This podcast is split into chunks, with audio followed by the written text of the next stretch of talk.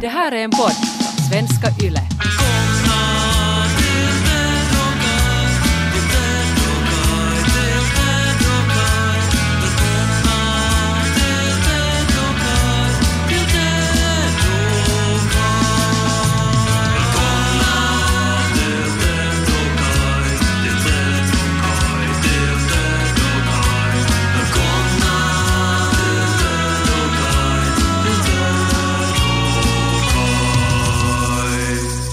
Du vet ju Kaj hur vi har pratat om tidningen EOS flera gånger. Jag ska inte säga god jul nu först. Det är ju jul för helvete. Ja, men vi, vi, vi ska, kan väl nog säga god jul för helvete också. Men du vet ju hur vi har pratat om EOS. Ja, tidningen mycket. EOS. Ja, och att det har varit en sån här grej att du och jag har egentligen aldrig varit med i den tidningen. Ja, vilket faktiskt är konstigt, för det är ändå en finlandssvensk barntidning, eller skol ungdomstidning. Ja, Och hur mycket så här människor att skriva om finns det nu egentligen? nej exakt. Plus att vi också tyckte båda två om EOS när vi gick i skolan. Att Ja. det var en tidning som vi uppskattade. Och det är ju den målgruppen också som vi nu har skrivit böcker för. Mm. Och liksom den målgruppen som kanske tyckte om våra Mumin-sketcher i Ja. tiderna. Ja, Och ändå aldrig fått vara. nej. Medan man- till exempel vissa då har fått vara plansch i den tidningen. ja, alltså vissa vissa... humorgrupper. Ja, alltså en, det finns posters Ja. på, på vissa.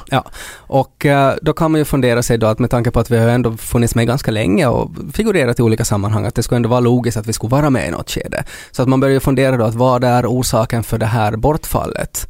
Hmm. Är det något personligt? Har vi på något sätt förolämpat någon eh, på redaktionen eller någonting? Att man tänker ju att det, det måste ligga någonting bakom det här. Ja, Men kommer du ihåg på bokmässan när vi träffade en underbar kvinna som sa att hon jobbar för EOS? nu när du säger det ja. Vi träffar ju massa folk på bokmässan men nu när du sa underbar så minns jag den här utstrålningen. Ja, och... Sån här eh, godhet fanns ja, det ja människan. att, man var sådär att okej, nej, men det här är liksom rätt person på rätt plats. Det var samma känsla som när herdarna såg ängeln, tror jag. Att det kändes sådär att ja men nu, nu, nu är allting, allt kommer att ordna sig. Och hon intervjuade oss och vi skojade om att mhm, nu kommer det någon plansch då. Och hon sa att ja, no, men vi ska se.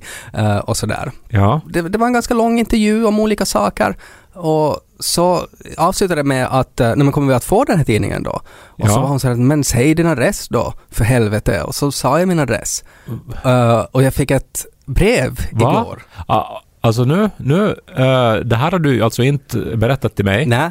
Och här är en EOS-tidning. Här är en EOS-tidning, nu Ja. får jag den i min hand här. Ser Det- du vad, vad, innehåller den här tidningen? Eh, Ted och Kai och Ja, insändare. No, men- och spöken i Ja, Helsingfors. bläddra och, och läs Ted och Kai på sidan 10. Men herregud. Alltså EOS har det är ju samma logo som det var Ja. va? och samma format. Mm, men bl- bläddra fram till intervjun. 9, 10. Alltså var det inte sidan 10? Ja, det står sidan 10 på pärmen. Ted och Kai på sidan 10 och så bläddrar jag till sidan 10 och här finns något helt annat. EOS träffar Katinka Hjortman. Vad är det som händer? Alltså finns det fakta om bajs finns här också. Va? Ja, alltså, är det alltså- fel? Du måste ju ha satt fel sidnummer då. De skickar tre, tre tidningar och... Och här kommer planschen då. va? Ja. En banan, Nej, vi inte, det är en banan. en fågel och smörgås. Alltså, Det här är ju så EOS också. Det var som att man skulle äta hälsosamt. ja. Ja. alltså det som är... Men det finns inte. Alltså är vi inte med här? Nej, alltså riktigt i slutet så, så kommer det, för det ska också vara en recension av, av zooböckerna och sådär, men det är det inte heller. och, och, Här är ju Sobe, men det är en och jag tävling. tror alltså... Jag, har Här? tro, jag tror jag har aldrig blivit sådär trollad av någon tidigare. Och att de går sådär långt att de printar en tidning utan en intervju. Men alltså nu tror ju ni säkert att vi hittar på det här, men Ja, alltså det står var- Ted och Kai på sidan 10. Mm. Och på, om, på första sidan står det Ted och Kai. Ja, och sen bläddrar man till sidan 10 och så kommer det då, vad var det du sa, fakta om bajs. Ja, och så bläddrar man igenom hela tidningen och det finns ingen intervju. Här, här, här finns en liten tipsruta i, Ja. på, på, på sista sidan. Ja men det är som en sån här bonusgrej, liksom som en, ett så här bihang till den här intervjun. Som alltså är gjord men som inte är med. Och tror du det är med flit de har satt fakta om bajs dit istället? Vad har vi gjort alltså? Vad har vi gjort? Mm, men jag har ju rökt. Och jag, Ja. har, jag har, vet du vad? Jag, älskar att röka. Det var nog, det var nog bra det. Vitsi vad jag älskar att röka. Och, och jag har druckit alkohol också. Men tänk och alltså, snus, jag, jag har provat snus och... var det liksom och under liksom hela den här intervjun då som vi gjorde med den här ängeln, var det allt det liksom bullshit? För att trolla oss och att gå så långt att man trycker upp en, en hel liksom publikation av EOS nummer 7 2019 där det står Ted och Kai på pärmen och så är det fakta om bajs när man bläddrar dit. Men tänk så skicka den här till dig! Ja, nej men det här har väl gått ut till alla, men att de skickar tre versioner åt mig. Men det här... Jag, jag, Alltså andra alternativet är ju att det har blivit något fel i tryckeriet och att det har kommit på något sätt liksom fel uppslag dit. Men nu är det ju osannolikt det. jag, jag, jag, jag, jag är mållös här. Jag, alltså, jag trodde ju att jag hade blivit liksom crazy. Att jag på något sätt, att det var mitt självförakt som på något sätt aktiverades när jag bläddrade till en intervju av mig och så läser jag fakta om bajs. Men eh, Världens äldsta bajs är 75 miljoner år gammalt Ja, och och kom ju- från en tyrannosaurie. ja. Vilket ju är helt bra information tycker jag. jag. Jag förstår ju nog liksom att de kanske prioriterar det där också fram om en intervju med oss. Det här är ju sånt som du går igång på nu faktiskt. Djurets sengångare bajsar en gång i veckan Ja, och då kallas det. det för bajsdansen. Ja, de har väldigt stora problem med förstoppning också. Alltså de på riktigt dör också av förstoppning för att de bajsar ut typ två tredjedelar av sin vikt. Vissa människor behöver gå på WC då de känner lukten av böcker. Det här kallas för Mariko Aoki-fenomenet. Det tror jag inte på. Vissa människor behöver ljuga när de träffar Ted och Kai. Det här kallas EOS-syndromet. Så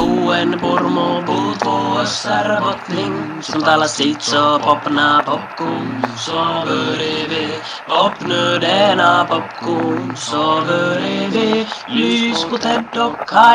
Nu kan vi säga god jul. Ja. Nu, nu, är det, nu fick jag liksom luftat det här och nu, nu är det ur säcken så Ja, att säga. det var, det var viktigt nog att reda ut det, fast, eller ja, det blev ju inte utrett. Nej, ju, nej, nej, det, egentligen bara så spred jag ju ett sorts mysterium till dig och alla lyssnare. Mm. Eh, god jul till alla utom EOS chefredaktör kan vi säga. Ja, det kan vi säga. Mm, men eh, det, det är ju fint med jul. Eh, man har ju en, en speciell förhållande till julen. Eller det har ju de flesta. Mm. Och det här... Du till exempel så öppnar ju alla dina kalenderluckor på en gång istället för att vara normal. men det är ju över nu när det är jul. Nu är ju allt öppet. Nu Ja, men jag tänker öppnat. ens förhållande till jul. Så du öppnar ju dem direkt. Och det är någonting som jag fortfarande har svårt att på något sätt processera. Ja, nå, jag tycker att det där är ju barnsligt av dig. Att du, att du har- en sån rigid inställning till någonting som bara handlar om, om liksom lek. Ja, men det är ju som att man ska fira födelsedag varje dag på ett år. Nå, inte det är ju riktigt samma sak, Ted Ja, Forsström. det handlar ju om att värdera traditioner kanske. Ja, som du är så bra på. I- det där avseendet så är jag ganska bra på det. Mm. Men vi behöver inte gå in på det. Jag tänkte prata om, om, om julen för de hjärtekrossade. Christmas for the broken hearted. Okej. Vet du vad, vad det är för någonting? Det låter som en dålig julsång. Nej, det är en låt skriven av Per Gessle, men den har ett annat namn som är mera känt. Jaha. Eh, It must have been love hette ursprungligen eh, Christmas for the broken hearted. Okej. Mm. Och eh, det fanns ju en tid eh, då musiken var allt. Eh, då när man liksom byggde en identitet och en förståelse av världen genom musik. På vilket sätt en förståelse av världen? Nå, Alltså där att om, om man gillar, nå, det här var då man tapetserade väggarna med bilder på ett favoritband. okej. Eller då man klippte ut ett bands namn tusentals gånger ur hundratals tidningar för att göra ett collage av det här ordet. Eller, man, eller för att man övar sig på det där liksom kidnappningsbrevet som man skickar. det här var också då när man klädde ut sig till sitt favoritband. Du vet, den här tiden i livet. Ja. Jag har väl inte kommit dit ännu tror jag ja. Ja, man skrev alla skolarbeten om det här bandet, man, Mm. man gick med i fanklubben, Mm. man hade förstås tröjor och, och man hade pins och sånt. Ja. Den tiden i livet. Den tiden i livet som sagt jag har inte kommit dit ännu. Ja, men det var ju någonting i hennes röst. Eh, nu pratar jag alltså om Marie Fredriksson som Mm. ju dog för ett par veckor sedan. Ja. Eh, hon sjöng ju i Roxette och, och, och sjöng ju också eh, solo. Och hon, hon hade ju en jättespeciell röst. Alltså hon var som en skådespelare. Man trodde liksom på allt vad hon sjöng. Att när hon sjöng Per Kessles mest banala texter Real sugar, I don't want to climb the walls.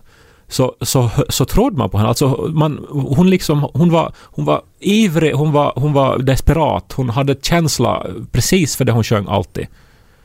Och så hade hon en sorg i rösten så man stannade upp liksom och lyssnade. Och om du orkar lyssna så ska jag som vägleda dig genom mitt liv tillsammans med Marie Fredriksson. Du är väl medveten om hur mycket begärt av mig det här är? Jag var 20 år. Jag trivdes i skolan. Jag cyklade överallt, jag byggde kojor, jag dansade och jag var nyfiken. Så hörde jag en låt som hette Fading like a flower med en pianogrej som stannade kvar i huvudet. Och jag sparade min veckopeng i flera månader för att köpa de här noterna. Och det var det första jag lärde mig på piano. Och den där känslan, när jag lyckades återskapa det som jag hörde på skivan, var magi. Skivan hette Joyride, bandet hette Roxette och Marie Fredriksson sjöng Hey now, touch the sky, you've got a certain kind of look in your eyes. Via musiken hittade jag min första bästa vän, Sofia. Vi blev oskiljaktiga och limmet som höll ihop oss var Roxette. Vi spelade in videor till alla Roxette-låtar. Hon var den första som jag skrev sketcher tillsammans med. Vi drömde så mycket om att ha ett band att vi startade en egen fanclub-tidning till vårt band. Det var 1992 och Marie Fredriksson sjöng “It's time to place your bets in life”. 1995. Någonting händer i livet. Kroppen ändrar. Jag känner inte igen min egen röst. Jag känner inte igen min bästa vän. Jag får hår under armarna som jag sliter bort i skam.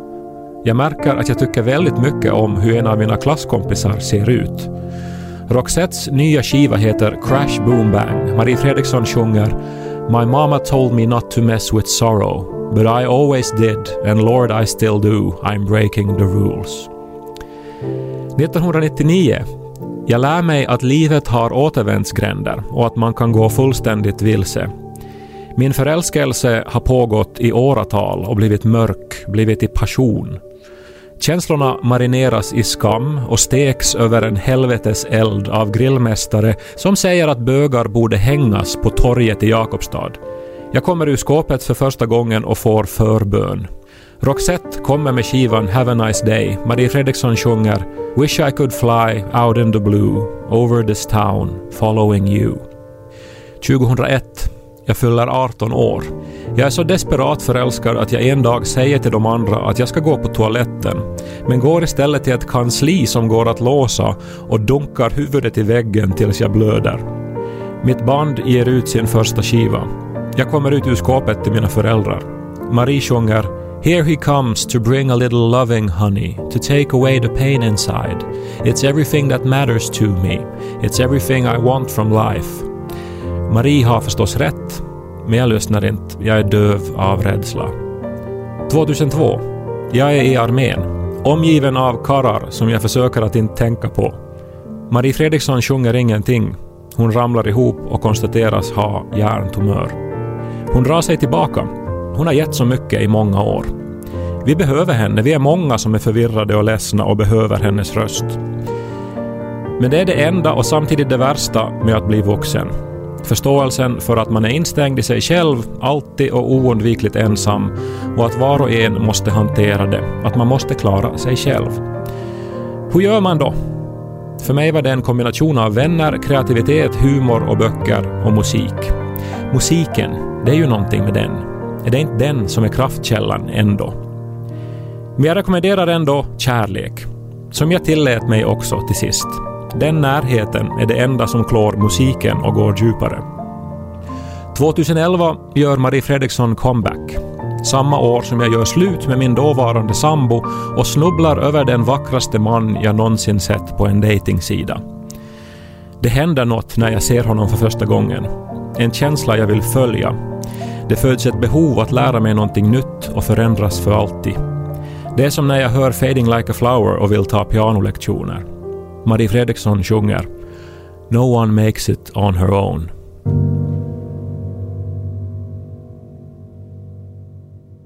Vilken, vilken människa som lämnar oss. Alltså, jag, hon, hon var ju med mig och var ju med oss och det jag kände ju henne inte, men det, när hon dog så jag, jag, jag, blev, jag blev varse om hur betydelsefull hon har varit.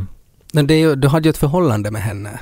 Men hon var ju inte medveten om att du kanske existerar. Alltså det är ju ett ensidigt förhållande. Men likväl ett förhållande. Alltså det är ju ändå en person som på något sätt har berört dig i hela ditt liv. Ja, det var märkligt för att det är ju väldigt många eh, uh, så, eh, musiker och sånt som jag har gillat. Uh, och jag blev också ledsen när Leonard Cohen dog, jag blev ledsen när David Bowie dog. Men enda gången som jag för en artist har börjat gråta när jag har hört dödsbudet, så det var, det var faktiskt nu med Marie Fredriksson. Mm. Och, och det var inte jag beredd på, Men hon har ju betytt något annat för dig än till exempel då Leonard Cohen. tydligen. Det är ju så definitivt också. Man skapar ju inte nya sådana där förhållanden. För du kommer aldrig att vara barn igen och du kommer aldrig att ha liksom på något sätt det där barnsligt magiska förhållandet till en artist.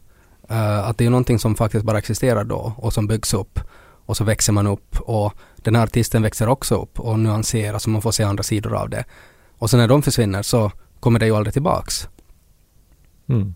För det är någonting i det där också att när man är en viss ålder och exponeras för någonting som man gillar jättemycket. Så det är någonting som bara sker tror jag i en viss ålder. It must have been love, but it's over now.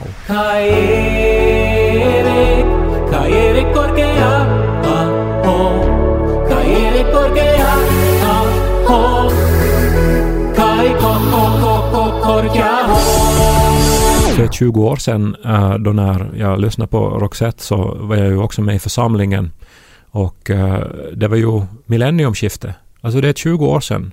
Mm. Och det var mycket tal om, om apokalypsen i Essie. Eh, det var ett av våra favoritteman i den här gruppen. Och vi läste Uppenbarelseboken. Och, Mm. och, och så kom det ut en sån här bok som hette Bibelkoden. Minns du den? Jag minns att det pratades nog om det. Som var, det var liksom nyckeln till, till det här stora mysteriet. Alltså det var en bästsäljare. Mm. Alltså att någon isra israelisk matematiker hade hittat en kod i Bibeln. Och det var bara i Bibeln, av alla böcker han hade testat, som den här koden fanns. Det, det handlar om att ta avstånd mellan bokstäver. Mm. Så här att om man börjar härifrån och så tar man 100 bokstäver framåt och sen Mm. 100 bokstäver fram från det och 100 och så vidare så får man Yitzhak Rabin blir skjuten eller någonting. Och så, ja, det, det hade ju hänt då, alltså den här premiärministern som, som blev mördad eller då. Och, och sen då så hittar man då med den här kodens hjälp då eh, i Bibeln förutsägelsen att jorden går under 2006. Men i Bibeln talas det om eh, den sista tiden, den, den yttersta tiden. Och eh, det är en sån här årsvecka, ett, ett, en eh, period på sju år eh, då den stora vedermödan ska inträffa då med en massa katastrofer och, och så här. Och den ska då inträffa innan uh, Jesu återkomst, då, domedagen. Så den skulle börja då år 2000. Alltså nyårsdagen år 2000 då, så börjar den yttersta tiden. Vedermödan. Ja, och så skulle det pågå då till 2006. Mm. En grej som bland annat då förutsägs i Bibeln i den yttersta tiden är det så kallade uppryckandet. Mm. Alltså att man eh, dras upp i himlen om man är riktigt kristen. Att alla kristna kommer att försvinna från jorden och lämna kvar alla icke-kristna då. Det är därför det inte får vara liksom två kristna piloter som flyger ett flygplan samtidigt. Det här eh, var något som vi sa då att tydligen är det en regel att det får inte finnas, att båda piloterna i ett plan får inte vara uh, bekännande kristna. Nej. För några veckor sedan var jag på en fest och träffade en pilot från Singapore, Alltså minns jag, du det? Ja, får jag bara kommentera det där. Alltså på ett sätt så tycker jag att det är liksom så dumt också för att om man tänker då att nu, nu sker då uppryckandet och piloten försvinner och några re- passagerare också. Så de hamnar ju ändå i helvetet de som är kvar. Så skulle det inte vara liksom, det spelar väl inte så stor roll om de alla skulle krascha då för att de kommer ju ändå till helvetet. Nej, men de har ju, så länge de lever har de väl en chans att ta emot Ja men det är väl Herren. bara lida kvar? Ja, men jag frågade alltså den här piloten från Singapore om Mm. det här. Okej. Och han tittade på mig väldigt konstigt Mm. och sa att det där är inte sant. Så det, det där, inte heller det där som de lärde mig i församlingen var sant. Nej, Uh, men... uh, man skulle annars tro nog att församlingen skulle ha ganska bra koll på flygregler och sånt där. I USA. Nu är det ju dem man, man, man frågar när man Ja. vill ha aviation Ja, knowledge. det har varit ganska mycket med Boeing-plan och sådär så att det skulle vara roligt i någon sån här presskonferens när de ställer frågor om varför deras maskiner bara går sönder så att vi har inte pratat med Essi-prästen ännu. Ungdomsledaren i Kolby kommenterar Boeing Max 737-skandalen. Ja, det har vi vetat nog länge om. Men, äh, men det var ju alltså väldigt förvirrande då att närma sig nyårsafton 1999, Ja, för 20 år sedan. För Mm. jag, jag visste ju inte om, om jag skulle försvinna eller inte. nej. Och det var ju den största skrä- skräcken var ju det där att, att alla mina vänner skulle försvinna. Ja, att alla skulle försvinna utom du. Ja, att jag då Mm. på någon sorts uh, ungdomssamling som vi skulle vara på då på nyårsafton Mm. och plötsligt när jag får på vässa och kommer tillbaks så är salen tom. Vilket prank det skulle vara gjort. Liksom Johnny Knoxville som är där och så är det bara en massa tomma kläder när du kommer tillbaks. Nicke Aldén hoppar fram. Det här, det här är blåsningen i Yle Tema. Du ligger krossad på klipporna i Pörkenäs. Ja. Men jag såg, jag, jag var nu, nyligen och såg på Apocalypse Now, eh, den här Francis Ford Coppolas Ja, det har väl kommit film. igen någon nyklippt version den. Ja, han har klippt om den för andra gången nu då. Mm. Och nu så är den dessutom restaurerad till Alltså jättebra bildkvalitet och ljudkvalitet i den. Mm. Och det är ju en jättebra film. Jag rekommenderar den till allihopa för att det, den är ju ambitiös och den är galen och crazy och den är Mm. rolig eh, och den är hemsk. Eh, men som, som filmupplevelse är den ju jättebra. Alltså. Ja, det görs ju inte riktigt sådana där filmer och mer inte. Och, och den avslutas ju som känt, alltså det här är ju inte spoilers för det är ju en 40 år gammal film Mm. eh, med orden “the horror, the horror” Mm. som man ju kan eh, tolka då på, på jättemånga olika sätt. Då. Men den verkar ju handla både om krigets fasor och om eh, det mänskliga psykets mörkare sidor. Mm. Men, men så här, eh, mera nu än någonsin tycker jag, så eh, har jag den här känslan av att, av att vi står ju inför någon sorts apokalyps här nu. Alltså, och nu menar jag inte att Jesus ska komma tillbaks. Ja men nu har, det här är ju liksom första gången vi har väl den liksom ganska sådär bokstavligen alltså med tanke på att, uh, hur vi har fuckat upp klimatet. Ja, men klimatet och det politiska läget, alltså aldrig under min livstid och då har jag ändå levt några år under kalla kriget också, Mm. har det väl varit så spänt liksom Mm. mellan eh, länder i, som annars har haft liksom fred och, och, och det här eh, mellan höger och vänster, mellan män och kvinnor, mellan öst och väst liksom. Mm. Överallt är det ju jättespänt. Men vad är liksom den här nya bibelkoden nu då? Att hur ska vi liksom tyda det här? Nå, det var ju en pastor i Lappenranta nu som eh, under de vackraste julsångerna eh, då predikade om att ju jorden går under 2040 och det är ju självklart. Och, och det här, eh, han läste då eh, upp sina bevis då för det här uttalandet. Mm. Och, och nu var det ju då flera församlingsmedlemmar då, för det var ju en fullsatt kyrka med barnfamiljer Mm. som var väldigt skeptiska då och upprörda då. Att Mm. de vackraste julsångerna då hade blivit i det här. Ja. Och, och det var bara en rolig eh, artikel att läsa nu då för... Jag tycker det är nog någonting man får, kan liksom ändå sådär att nu finns det ju alltid en liten chans att de vackraste julsångerna blir liksom till en så här, vi kommer alla att brinna i helvetet. Jag tänker sådär, i de kyrkorna som vi är vana med, att nu finns det ju alltid den där lilla chansen att det blir till det. Att de var bara ovana. Ja, det, alltså det här är ju som en sån här normal liksom bönestund i Kolby liksom. Ja, det var morgonsamling i skolan i Pedersöre. Tjuan är på, har utomhusjumpa och niorna är på prao. Eh, jorden tar slut 2040. Men är det liksom någonting i människan inbyggt det här att man hela tiden eh, ska på något sätt eh, vara lite på sin vakt och att man som känner att nu är, nu är det på väg mot något sorts slut. Alltså att man hela tiden förbereder sig för någon sorts eh, katastrof. Eller råkar det bara vara nu under vår livstid och eh, där man har växt upp och så här?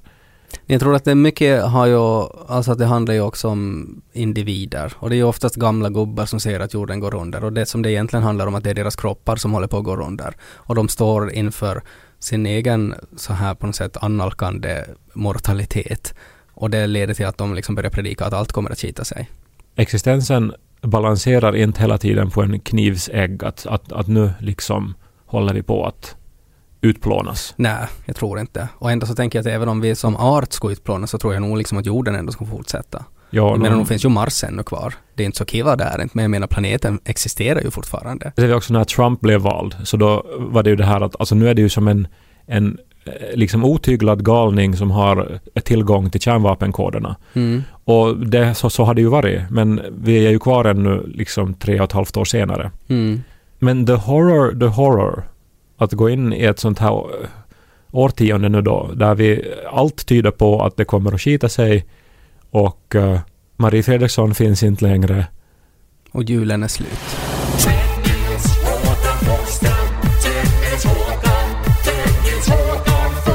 Nu blir det ju lite deppigt tycker jag. Kanske vi kan, vi har ju fortfarande den här EOS-tidningen. Kanske det finns en liten bibelkod här. EOS-koden. Ja, det finns en, en insändare här som heter Om skräpkorgar. Det är flicka 10 år som skriver det. Jag tycker man borde ha mera skräpkorgar i hela världen.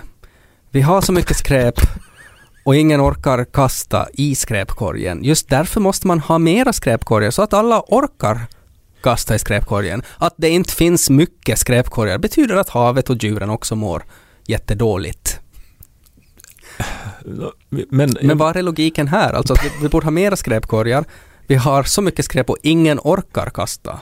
Just därför måste man ha mera så att alla orkar kasta. Mm, ja, men om ett år kan hon vara Times Person of the Year. Det är Greta Thunberg som har skickat in det här inte är oss. Nej, men det är ju liksom, eh, det som ju Flicka 10 år presenterar är ju en enkel liksom lösning på våra omöjliga problem. Mm. Och det är ju det som Greta Thunberg också på något sätt. Ja, att man tänker att vi overthink it helt enkelt. Att vi är fokuserade på the horror, the horror när vi bara borde göra praktiska saker. Som till exempel skaffa mera skräpkorgar. Och det är ju som man borde tänka också att när man slås av den här tanken om att existensen är onödig och vi kommer ändå alla att dö i ett inferno. Så då kan man ju istället för att liksom bara på något sätt ligga i fosterställning och fokusera på det så kan man ju föra ut roskisen, någonting konkret.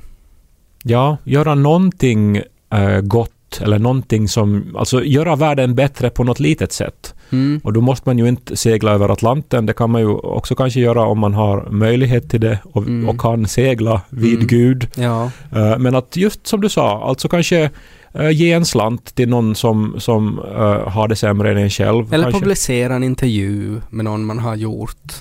Om man äger en tidning. Kanske plocka lite skräp från marken och sätta det i en skräpkorg. Alltså nu, nu menar jag, det här låter så patetiskt när man säger det, men om alla skulle tänka sådär, att man alltid ska göra världen lite grann bättre, så nu skulle det ju bli en enorm skillnad sen Det i längden. pro- problemet är ju att, alltså, att det som på något sätt förhindrar en att tänka sådär är ju att man på något sätt utgår från att alla andra bara tänker på sig själv och därför måste man själv också göra det. För att världen funkar så. No, men det där är ju liksom högerideologi mot vänsterideologi och du tog ju, eh, eftersom du är en sån här kulturbubblemedieman så tog du ju den vänstra sidans lösning och presenterade det som det enda sättet. Det finns ju nog mycket positivt med kommunism också. Alltså att om man ska ta bort det där att man kan på något sätt utnyttja det för att rättfärdiga massmord. Om man tar bort den aspekten av kommunismen så är det ju liksom, tanken är väl helt god nog. Men kommunismen förespråkar väl inte massmord heller? Eh, Kommunismen det- är, ju, det- är, ju en, är ju en underbar idé som inte funkar just eftersom människan är eh, i, i grunden också eh, individuell och egoistisk. Ja, men det var precis det som jag tänkte. Att, att vi, vi, det är ju därför det ska vara så fint. Om vi ska bara kunna skita i det där individualismen en stund och tänka på det stora hela. Så vilket vi ju verkligen borde göra med tanke på att vi har fuckat upp klimatet. Hej EOS! Jag är en pojke på 11 år och nu har en typ frågat chans på mig.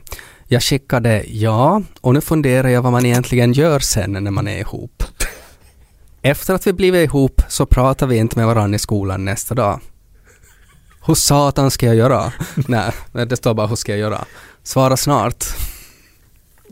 Hur ska de där rädda planeten då? För vi är ju fucked, men det är ju den där generationen som ska fixa upp det här. Men om de har sådana där problem, hur ska de kunna bota klimatet då? Om de inte ens vet hur man gör när man är ihop? Man grälar väl om diskmaskiner och sånt. Man grälar om diskmaskiner och pengar. Om du gör det med någon, då är ni antagligen ihop.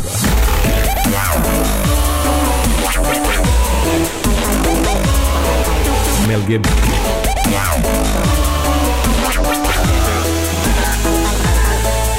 Household.